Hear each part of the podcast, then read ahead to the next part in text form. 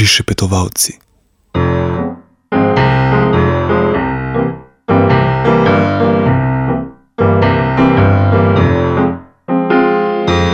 Želim živeti brez skrbi in tu jaz tiskam me ne briga. Vem, kar je treba vedeti. Življenje je odprta knjiga, naj svet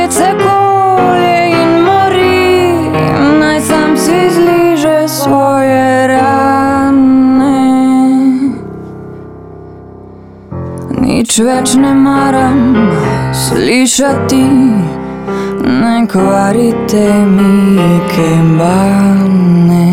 Največ je vreden mir, največ je vreden mir.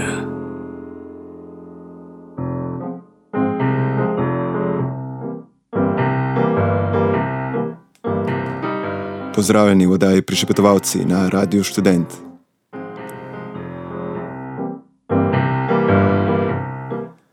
Daleč so časi, ko so tudi naši voditelji trdili, da je kriza priložnost, iz katere bomo, če bomo pridni, izšli kot zmagovalci. Sicer ni dvoma, to vrstne govorance so bile smešne in popolnoma neskladne z odločno pasivno vlogo, ki jo je Slovenija dejansko igrala v procesu stopnjevanja razlik med Evropskim centrom in periferijo. A vendarle je bilo v njih še zaznati kanček vsaj za igrane ambicije. Danes so stvari drugačne. Danes, ko se razlika med centrom in periferijo prodaja kot zabetonirana, nam politična in ekonomska elita vse bolj servira drugačno zgodbo.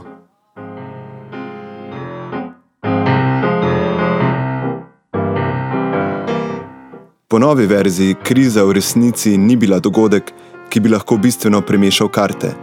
Po novi verziji kriza ni bila produktivni proces z neodločljivim iztekom, ki bi razlike šele proizvedel, temveč je bila v svojih učinkih zgolj odraz že obstoječih naravnih razlik med akteri. Proces evropske krize je zdaj razumljen kot proces razodevanja resnice o evropskih narodih. In čeprav nekaj takega kot kriza še vedno ustraja, čeprav je situacija še vedno težka, javne finance pa bolehne, je proces krize v bistvenem končan. In jasno, zdaj je nastopil čas, da se sprijaznimo z njegovim naukom. Nemčija ve, da je najboljša in mora postati še boljša. Grčija bi zdaj morala vedeti, da je njena politična revolucija le bleferski paravan, za katerim se skriva infantilnost mediteranskega bonvivanstva. In Slovenija, Slovenija mora spoznati svoje limite in v njih najti užitek. Nismo kaj prida država, nimamo kakšnih posebnih kadrov, nimamo kakšnih posebnih idej. Nikoli ne bomo največji, nikoli ne bomo najmočnejši, a tudi najboljši ne bomo nikoli, vsaj ne v absolutnem smislu. Lahko pa smo najboljša periferija. Država, ki svojo ambicijo v kapitalizmu reducira na zasedanje kakršnih koli novih delovnih mest, ki jih odpira tuji lastnik.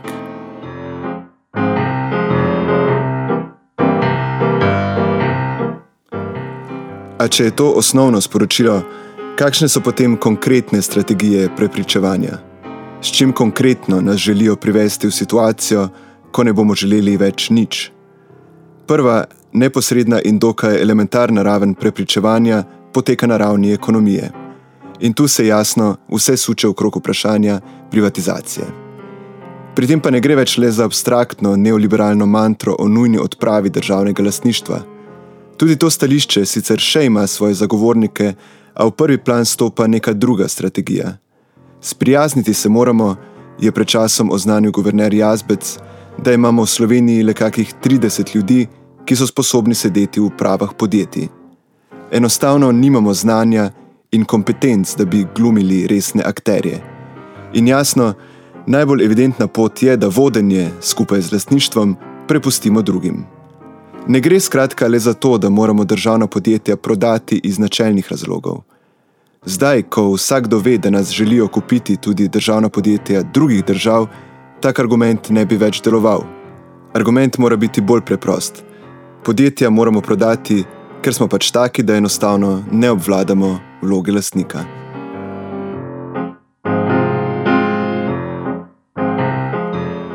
Toda, da bi ljudje sprejeli to raven, mora na pomoč priskočiti tudi pravo politično prepričevanje.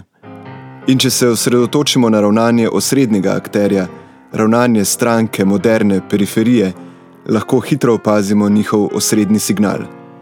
Spomnimo se, Miro Cerar pred volitvami ni obljubljal veliko, a obljubil je vsaj to, da bodo skrbno pretehtali dinamiko postopka privatizacije.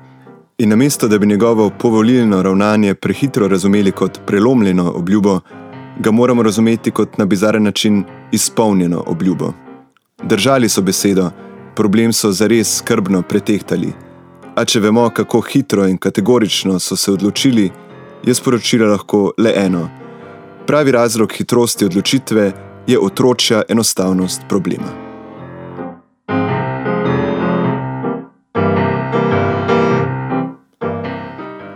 Tehtali smo le kakšen dan, nam sporočajo, pa vendar smo pretehtali. S privatizacijo moramo naprej tako, kot je bilo načrtovano. Še več, prodajemo vse, tudi infrastrukturo, ki je nismo nameravali. Prava pot je evidentna, zato ne komplicirajmo in se sprijaznimo, da so naše ambicije omejene. Nismo tako naivni in nagajivi kot Grčija, da bi se igrali z iluzijami. Le realizem, po katerem smo, kar smo, nam bo prinesel najboljšega od možnih svetov: svet novih delovnih mest, v katerem bodo dobički, dobički nekoga drugega, tistega, ki je realno gledano vendarle premočan za nas.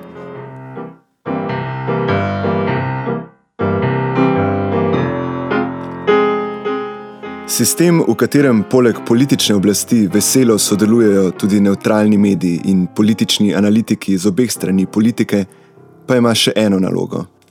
Da bi ljudstvo resnično globinsko prepričal, kako otroče lahek je problem privatizacije, mora prizoriti tudi negativ. Namreč probleme, ki so zares zahtevni. Recimo, neskončno zahtevno je najti normalnega ministra za izobraževanje, znanost in šport. Neskončno zahtevno je najti človeka, ki bi sam napisal svoj magisterij, in neskončno zahtevno je dokončno presoditi, ali je plagiat res plagiat. Tudi o tem se moramo pogovarjati. Preučevati moramo rezultate računalniških programov in čakati na dokončne odločitve fakultetnih komisij. Tudi ob takih vprašanjih se moramo, skratka, delati neumne.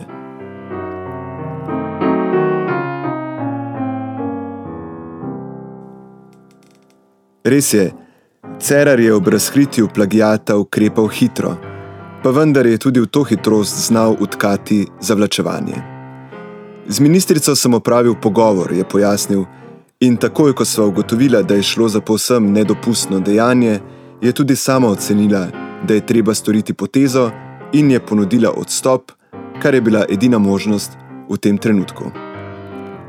Ta izjava je sicer kratka, a še vedno je to 38 besed preveč. Tak problem ne zahteva tehtanja in presojanja, sploh ne zahteva procedure. Razrešiti se mora avtomatično in hipno. Njen odhod ne sme postati gesta, ne njena, ne cerarjeva. O tem nima takaj razpravljati. Ministrica se mora od sramu udreti v zemljo, cerar pa prositi za odpuščanje, da smo se ukvarjali s kandidatko, ki je še pred izvolitvijo vedela, da ne bo ostala dolgo.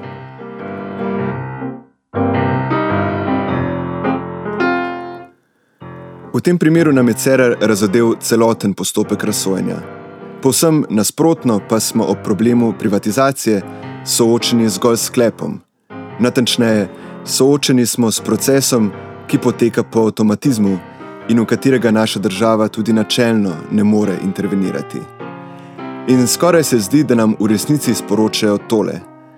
Tudi mi, ki smo popolni diletanti in moramo napenjati možgane ob kar najbolj samoumevnih vprašanjih, smo v privatizaciji našli problem, ki smo mu kos. Kar se nas tiče, se imate lahko tudi za pametnejše in sposobnejše, a vendarle priznajte, da je ena plus ena dve, znamo izračunati tudi sami.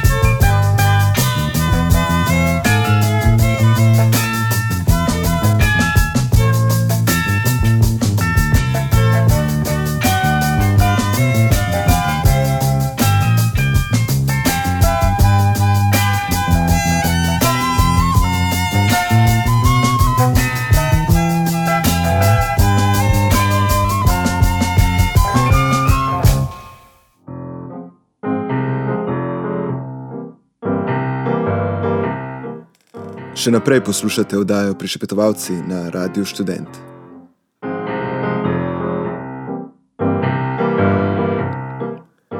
Klasična abstraktna diagnoza delovanja trenutne oblasti pravi, da je ta vlada še ena ista vlada, ki le nadaljuje ekonomsko in siceršno politiko prejšnjih.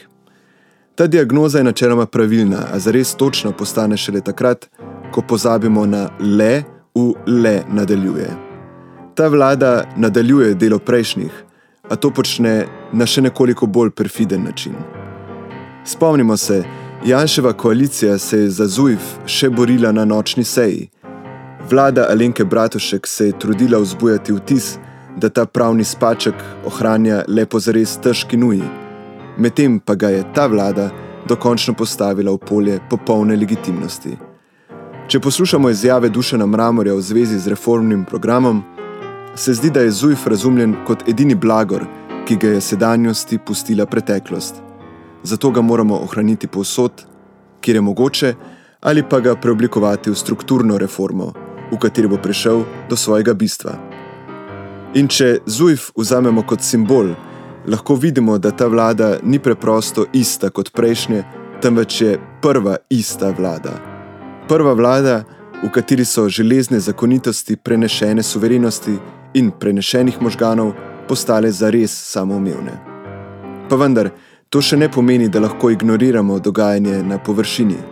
Nasprotno, prav dejstvo, da se nam ta površina upira, moramo vzeti takšno, kot je. O dinamiki med aferami na površini in dogajanjem v podzemlju privatizacije danes govori Gorast Kovačič. Najprej pa o tem, kakšna je povezava med prvo in drugo bivšo ministrico. Jaz mislim, da ste obe odstopili zaradi tiste zadeve. Ne. In ta zadeva je um, postopna, delna, neopazna, netransparentna privatizacija visokega šolstva, ki seveda uh, sistemsko povzroča določene anomalije na raznih koncih. Ta prva ministrica, ki je odstopila, je odstopila zaradi uh, anomalije, ki se je pokazala pri delu izvajalcev, se pravi, polni žepi ta druga pa eh, zaradi anomalije, ki se je pojavila pri uporabnikih, se pravi kupovanje nič vrednih diplom. Ja, zdaj tako. Univerza v Ljubljani v resnici vodi ena mreža ljudi, ki jih je mogoče nekaj deset. Uh, vsak uh, obvladuje tok denarja v svojem feudu, hkrati so pa med seboj tudi povezani in zmožni sodelovati takrat, ko jim to pač koristi za neke skupne projekte. In pri tej aferi so se očitno uh, počutili ogrožene. Uh, zdelo se je, da bi lahko prišlo do kakšnih uh, zahtev po uh, spremembi tega sistema, ki omogoča njihovo obogatenje. Uh, in zato so šli v uh, javno ofenzivo. In Dobro, zdaj, če seveda se uh, branijo tisti, ki so se znašli na tem supervizorju, seznamu to po neki človeški liniji, človek še razume, čeprav seveda hkrati, če so tudi dekani ne, um, in kot taki imajo vpliv na pravila razdeljevanja denarja, potem lahko rečemo tako, ne, v politiki bi rekli, da bi bilo korektno, če uh, bi odstopili za to, da bi omogočili neodvisno preiskavo. Um, ampak Tisto, tisto, kar je nekje največji problem, je pa to, da jih je uh, relativno aktivno podprl tudi rektor. Ne? Rektorju pa tega ne bi bilo treba, ker on na vse zadnje ni odgovoren za uh, upravljanje tega tržnega denarja, pa bi bilo mogoče boljše, če bi bil. In on jim je dal prav, uh, če ne toliko z dobesednimi izjavami, pa z nekimi gestami. Ne? Recimo gesta. Eh, na mesto, da bi uh, se, bom rekel, posul s pepelom, obljubil, da bo raziskal zadevo, da bo pripravil ukrepe in tako naprej, skratka, krizni PR, eh, je pravzaprav najbolj odločna poteza do zdaj bila ta, da je napadel tistega, ki je prinesel slabe novice. Ali pa tista tiskovka pred tedni. Je bilo zanimivo videti, kdo sedi ob njem, ne, koga je posedel poleg sebe. Ne, s takimi gestami se pove, na čigavi strani si.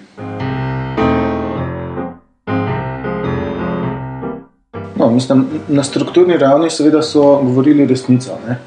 Eh, to hlastanje za projektnim denarjem je gotovo tudi posledica tega, da je javna služba neustrezno financirana, se pravi, da je v sistemu premalo tega gotovega proračunskega denarja. Ampak, seveda, popolnoma drugo vprašanje pa je, kako se v konkretnih primerih te tržne prihodke distribuira. Ne. Tu pa seveda ne morejo reči, da so vem, tako rekoč zaradi eksistenčne stiske ne, šli še služiti več tisoč evrov na mesec za povrh. Očitno je bil tu čisto navaden pohlep in, in ne samo hlastanje po denarju, ampak tudi hlastanje po oblasti. In denar seveda pride zraven, ker oblast je vedno koristna.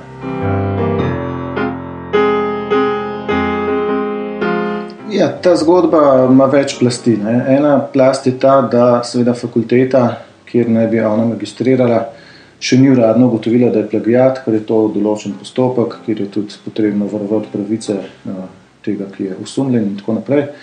Um, in uh, če uh, hočeš, uh, bom rekel, v medijskem smislu to afero uh, hitro izkoristiti, ne, potem rabiš neke druge dokaze. Ne. Nimaš časa čakati na tisto uradno komisijo in zato pride prav računalniški program, ki sicer ni perfekten, ne, uh, dela pač, uh, bi rekel, po, po neki digitalni logiki, ampak že recimo v procesu pred zagovorom diplome ali pa magisterija ali pa doktorata.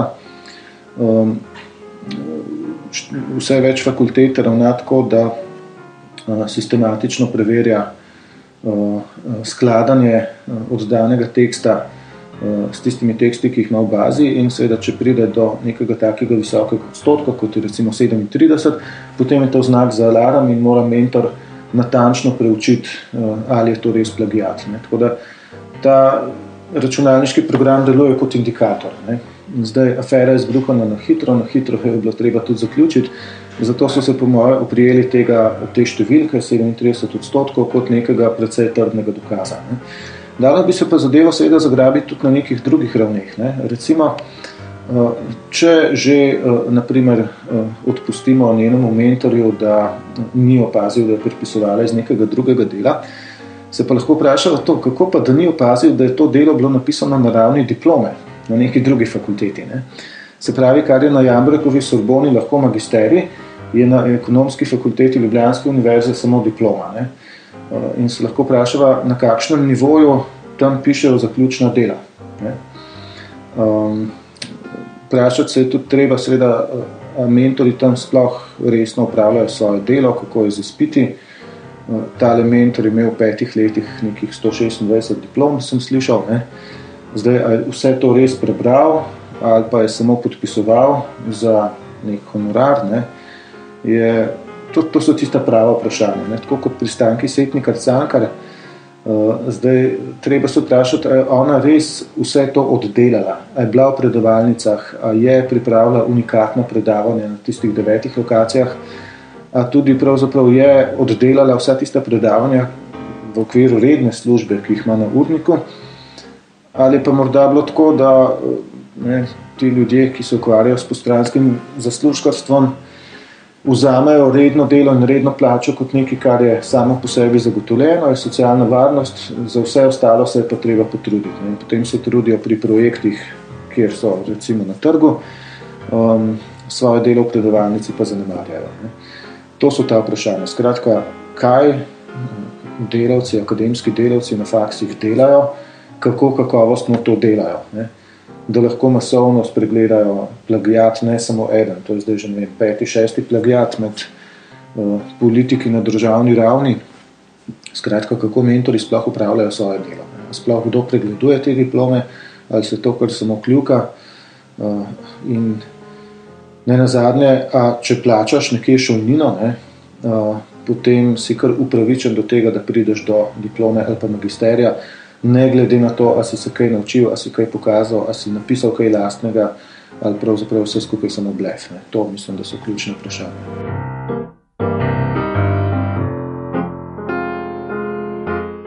Tem gospodom in gospem iz supervizorja, ne, predvsem ne smemo več verjeti na besedo. Ne.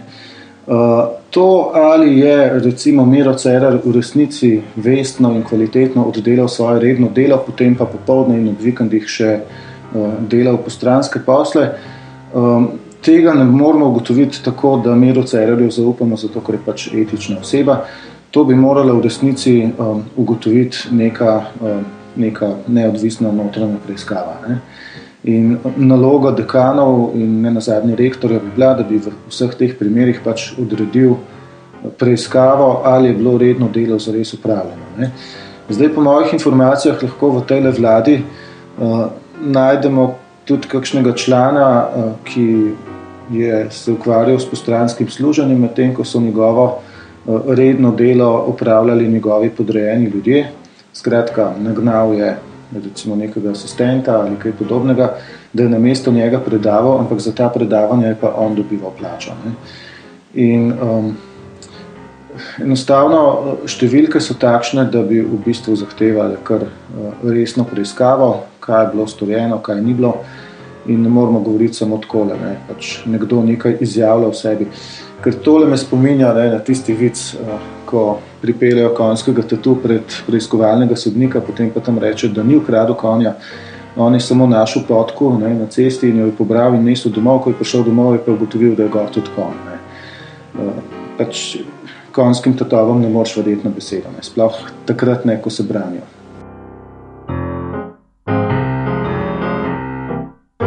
Več vprašanj se odpira. Ne. Eno je recimo to, kakšni tipi ljudi se nalepijo na stranko novih obrazov. Ne. Mi smo videli, da se je tam pojavilo že kar nekaj ljudi, za katere se je izkazalo, da so pač prišli kot avanturisti, špekulanti, luzeri na nekem svojem prejšnjem področju, ki so vem, zafurali firmo, izgubili službo zaradi takšnih ali drugačnih težav. Uh, in potem je prišla mimo neka stranka Mira Cerarja in so skočili gor na ta voz v računici, da jim bo nekaj uspelo, ne, da bodo pač si za štiri leta zrihtali dobro službo in jim je to celo v resnici uspelo. Ne.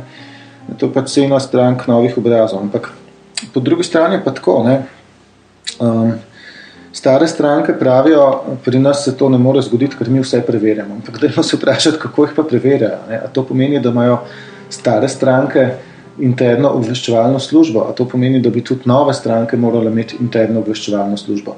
Tako da tukaj smo na nekem spolskem terenu. Ne. Uh, je pa po tretji strani tako, ne, če uh, je recimo Miro Cerar uh, demokratičen človek, privržen pravne države in ne vohlja za svojimi sodelavci, bi pa lahko vsaj premislil, uh, iz kakšnega kroga, s kakšnimi referencami uh, si pač uh, izbira ministre. Ne. In Klaudija Markeš ni bila neka perla, ne. to je bilo popolnoma jasno, še preden se je pojavila ta afera s plagiatom. Uh, znano je bilo, da niti nima univerzitetne diplome, ne. Uh, znano je bilo, da je magistrirala na uh, zasebni fakulteti sumljive kakovosti. Um, znano je bilo, da je uh, vodila neko šolsko ustanovo, za katero niti ne veš, kaj točno je, ne. ali je to visoko šolstvo ali više. Uh, ali je to nekaj zasebnega, ali je to javna služba. Uh, skratka, šlo je za osebo, ki je očitno doslej uh, uspešno operirala na nekem tem hibridnem terenu, ne, nečem med javnim šolstvom in zasebnim poslom. Ne.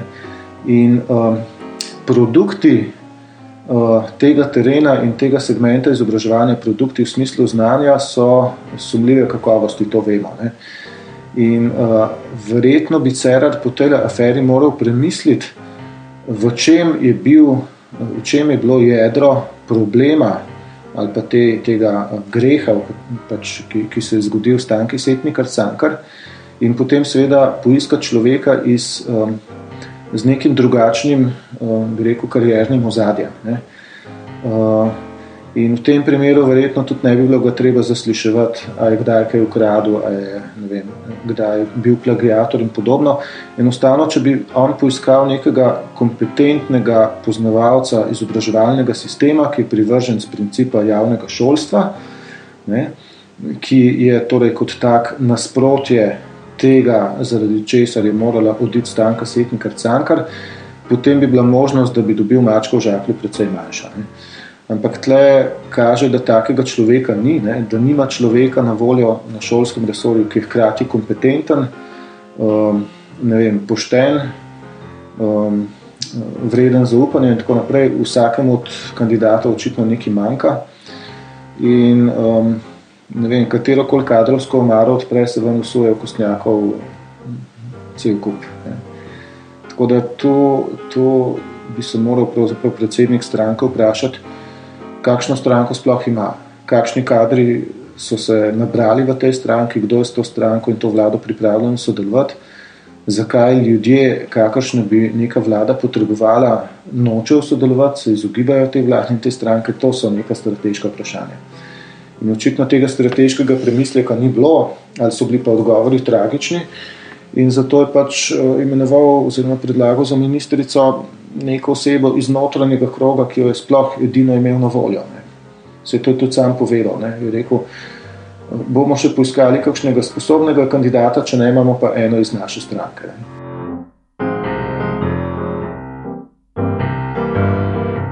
Po medijih se je govorilo, da bo uh, skušal pregovoriti katerega od svojih uh, poslancev ali pa članov stranke, ki uh, so bili doslej zaposleni v visokem šolstvu in to na pravi univerzi. Uh, a bojo ti ljudje pristali na to godljo sodelovanje v stranki v vladi Mira Cerarja, je drugo vprašanje. Uh, a se kdo od njih slučajno tudi spozna na izobraževalni sistem, je pa sploh posebna zgodba. Jaz mislim, da bi Cerar moral iti iskat um, nekam zunaj strankarskega polja. Ne. Samo um, tudi tu je vprašanje, ali bi kompetentni strokovnjaki sploh hoteli tvegati svoje dobro ime za sodelovanje v projektu neke vlade, ki se lahko že čez nekaj mesecev sesuje. Pa misliš, da oni sploh eh, še znajo, da veliko eh, še vidijo eh, ob, ob besedni zvezi kompetentni kandidat? Misliš, da še vidijo sploh isti bazen, kot ga vidiš ti? Recimo? Ne vem, to je pa treba njih vprašati. Zdi pa se mi, no, ne samo te nesrečne poteze okrog šolskih ministric, ampak tudi nekatere druge, recimo državni sekretar za gospodarstvo, ne, to je bil totalni flop. Uh, tri mesece so iskali kandidata in potem so imenovali nekoga, ki so ga novinari sesuli čez dva dni in sicer zato, ker so njegove turistične firme propadle in njihovi dolgovi so pristali na slabi banki. Ne. In uh, ko je človek moral odstopiti, je na tiskovki minister gledal tla in trdil, da še vedno verjame, da je to zelo velik strokovnjak in uspešen poslovnež na področju turizma. Ne. Tako da mislim, ko enkrat uh, člani vlade govorijo take neumnosti, um, se zdi, kot da so že v zelo hudem krču, ki je nastopil zaradi zavedanja, v kako zelo prevelike škornje so stopili. Ja, kar, kar je stvar, ki je, je bila jasna Sej, tragično je to, da vse to smo videli. to smo nekateri videli že vnaprej, ne? ampak um, zdaj verjetno to počasi dojemajo tudi oni sami. Ne? Se pravi, zdaj bo šlo samo še za preživetje, samo še za blef, samo še za PR, mogoče par mesecev, mogoče leto, mogoče dve leti. Uh, skratka, čim dlje zdržati, um, na koncu jih bojo pa voljivci itak požrli. Mm. Ampak nekako se znajdeš kot uh, politik ali pa kot voditelj česar koli v takem položaju, ne, ko, ko vidiš, da nalogi nisi kos, da ti nihče več ne zaupa, da ljudi ne boš mogel prepričati v karkoli, recimo tudi ne, seveda v to, da se morajo nečem odreči, ne, um, te mislim, da je čas za odstop. To, to je edino častno. Edino etično dejanje Mira Cerare bi bilo, da bi odstopil, ko je ugotovil, da svoje naloge ni kos. Ne. Ja, mislim, če neš že na, na tem mestu. To bi bil res etični doprinos k dvigu politične kulture, kot bi rekel on sam.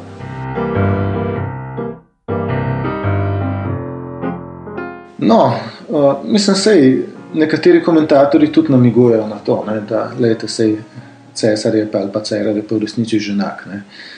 Um, sam seveda, uh, kdaj bo pa to postal vsakodnevni pritisk in zelo eksplicitno, je pa druga zgodba. Ne, ker, um, Na vse zadnje, vlado se lahko uh, lotiš loti rušiti takrat, ko je res že temeljito razmajanje, sicer jih lahko tudi dobiš nazaj. Ne. Tako da novinarje in komentatorje tudi razumem. Aha, misliš, da je dejansko v tem?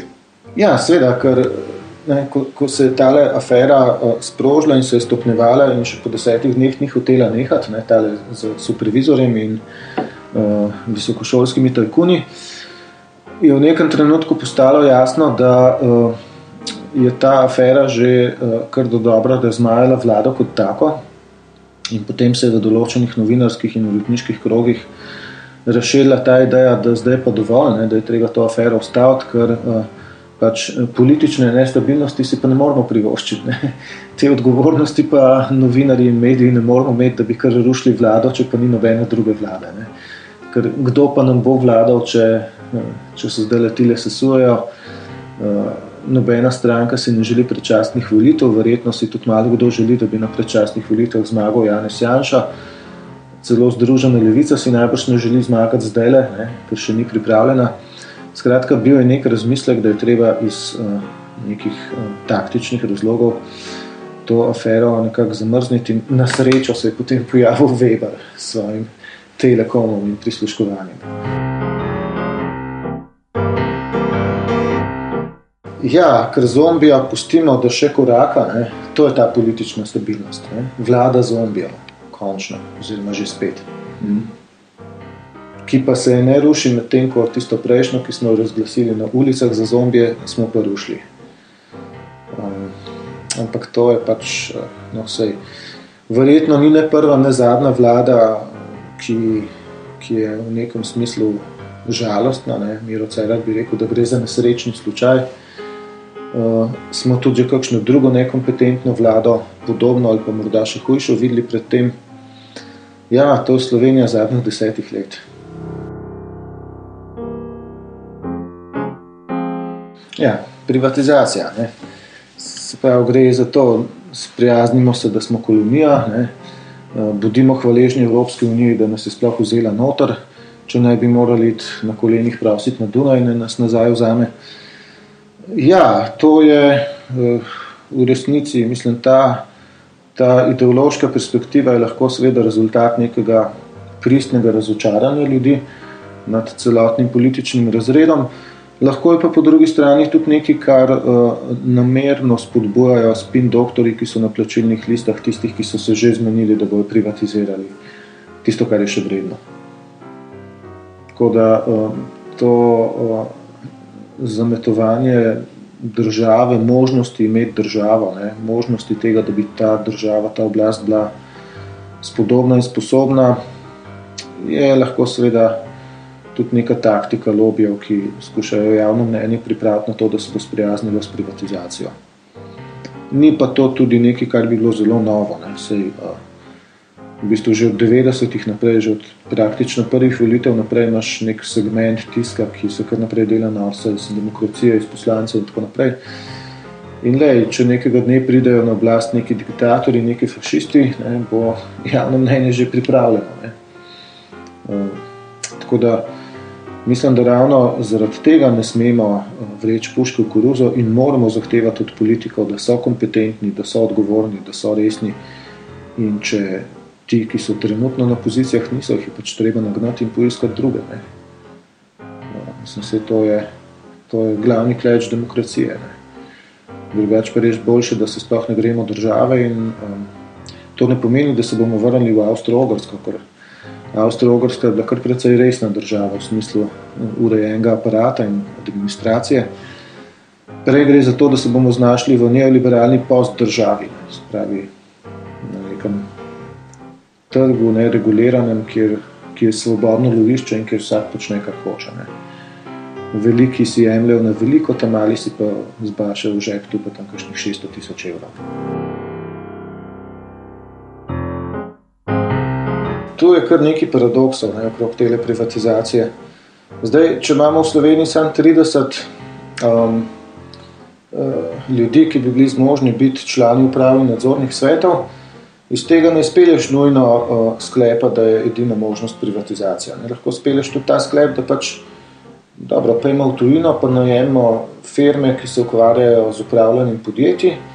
Eh, ki so verodostojne, ki nimajo škandalov, pa jih najemimo, če jih doma ni dovolj. Ne? Pač gremo v tujino najeti nadzornike in menedžerje. Ni problem, ne? če ne bojo tukaj požlahtani, pa člani stranke, mogoče to lahko celo plus. Ne? In mislim, da se je na ta način Romunija lotila uh, upravljanja državnega premoženja. Pač, če stranke kradejo, lahko bodi si vse razprodaš, ali pa najameš tuje upravljalce, ki pač niso tu uh, lokalno povezani. Čeprav, seveda, lahko so pa povezani spet z nekom iz, iz tujine. Ne? Tako da uh, idealnih rešitev tu ni. Ne? In imaš seveda tudi vrsto drugih paradoksov. Recimo naslednji paradoks je ta, če nimamo dovolj kadrov za nadzornike, kako pa da imamo potem dovolj kadrov za prodajalce. Ne? Mogoče bojo pa tudi te, ki so zdaj na pozicijah, da prodajajo državna podjetja, jih bojo tisti, ki obvladajo stvari, neki tujci, strokovnjaki, jih bojo nategnili. Ali pa če so v Sloveniji vsi korumpirani, potem so korumpirani verjetno lahko tudi ti, ki prodajajo. Ne? In to pomeni, da um, privatizacija ni nujno zdravilo za to, da se končno neha s to korupcijo, kjer krogi okrog političnih strank kradejo iz državnih podjetij, kaj ti kradli bojo tudi med privatizacijo, ne? pokradli bojo provizije, zato da bojo firme uh, poceni, pod ceno prodane točno določenim kupcem. In te scenarije, ki jih vidimo okrog prodaj, ki so se že izvršile v zadnjem letu ali pa ki se še bojo, vidimo, da domači prodajalci, ne, pač predstavniki institucij, ki vodijo prodajo, pogosto vlečejo poteze, ki so na vides najrazumljive. Ne. Peljejo postopek tako, da odpadejo vsi kupci razen enega in tisti se potem znajdejo v monopolnem položaju in seveda na koncu je kupnina nižja, kot bi lahko bila, ne, če bi imeli do konca odprto konkurenčno tekmo. Imava recimo tudi tale paradoks glede privatizacije. Govori se, da uh, imamo finančno krizo uh, in bančno luknjo uh, zaradi umešavanja politike v gospodarstvo, se pravi zaradi državne lastnine, ampak polovico te bančne luknje so pa povzročili tisti, ki so se že šli privatizacijo. Ne? Se pravi, če se bomo mi šli privatizacijo na ta način, da bodo kupci teh podjetij svoj, svojo operacijo nakupa financirali tako, da bodo ta podjetja izčrpavali, um, potem nismo noč naredili. Ne. Uh, luknja v realnem sektorju gospodarstva bo še naprej rasla. Se pravi, ni hec v sami privatizaciji, hec je v pravilih upravljanja podjetij. Ne. Um, tako da ne vem, tole vse skupaj me ne prepriča.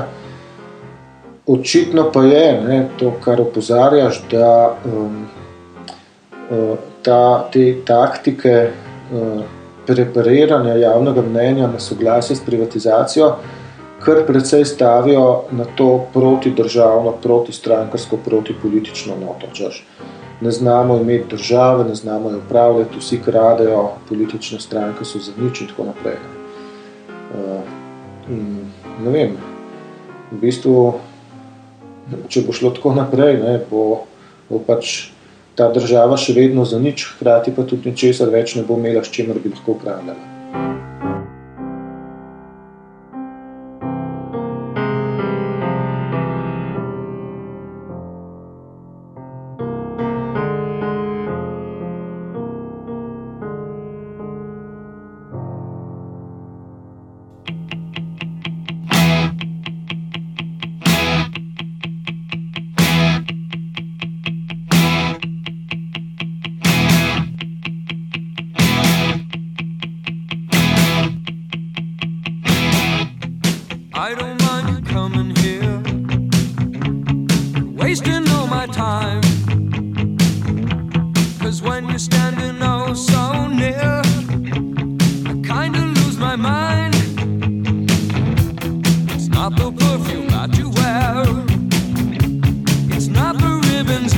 Oh.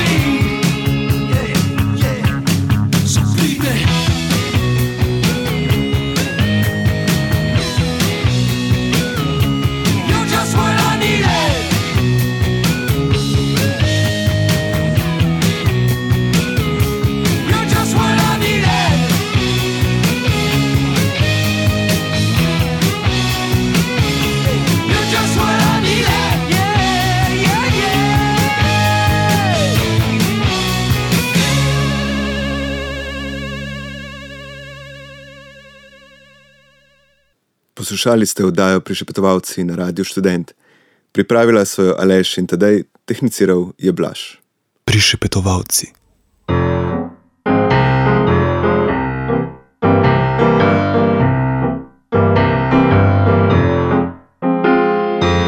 Želim živeti brez skrbi in tu jaz tiskam me ne briga. Vem, kar je treba vedeti.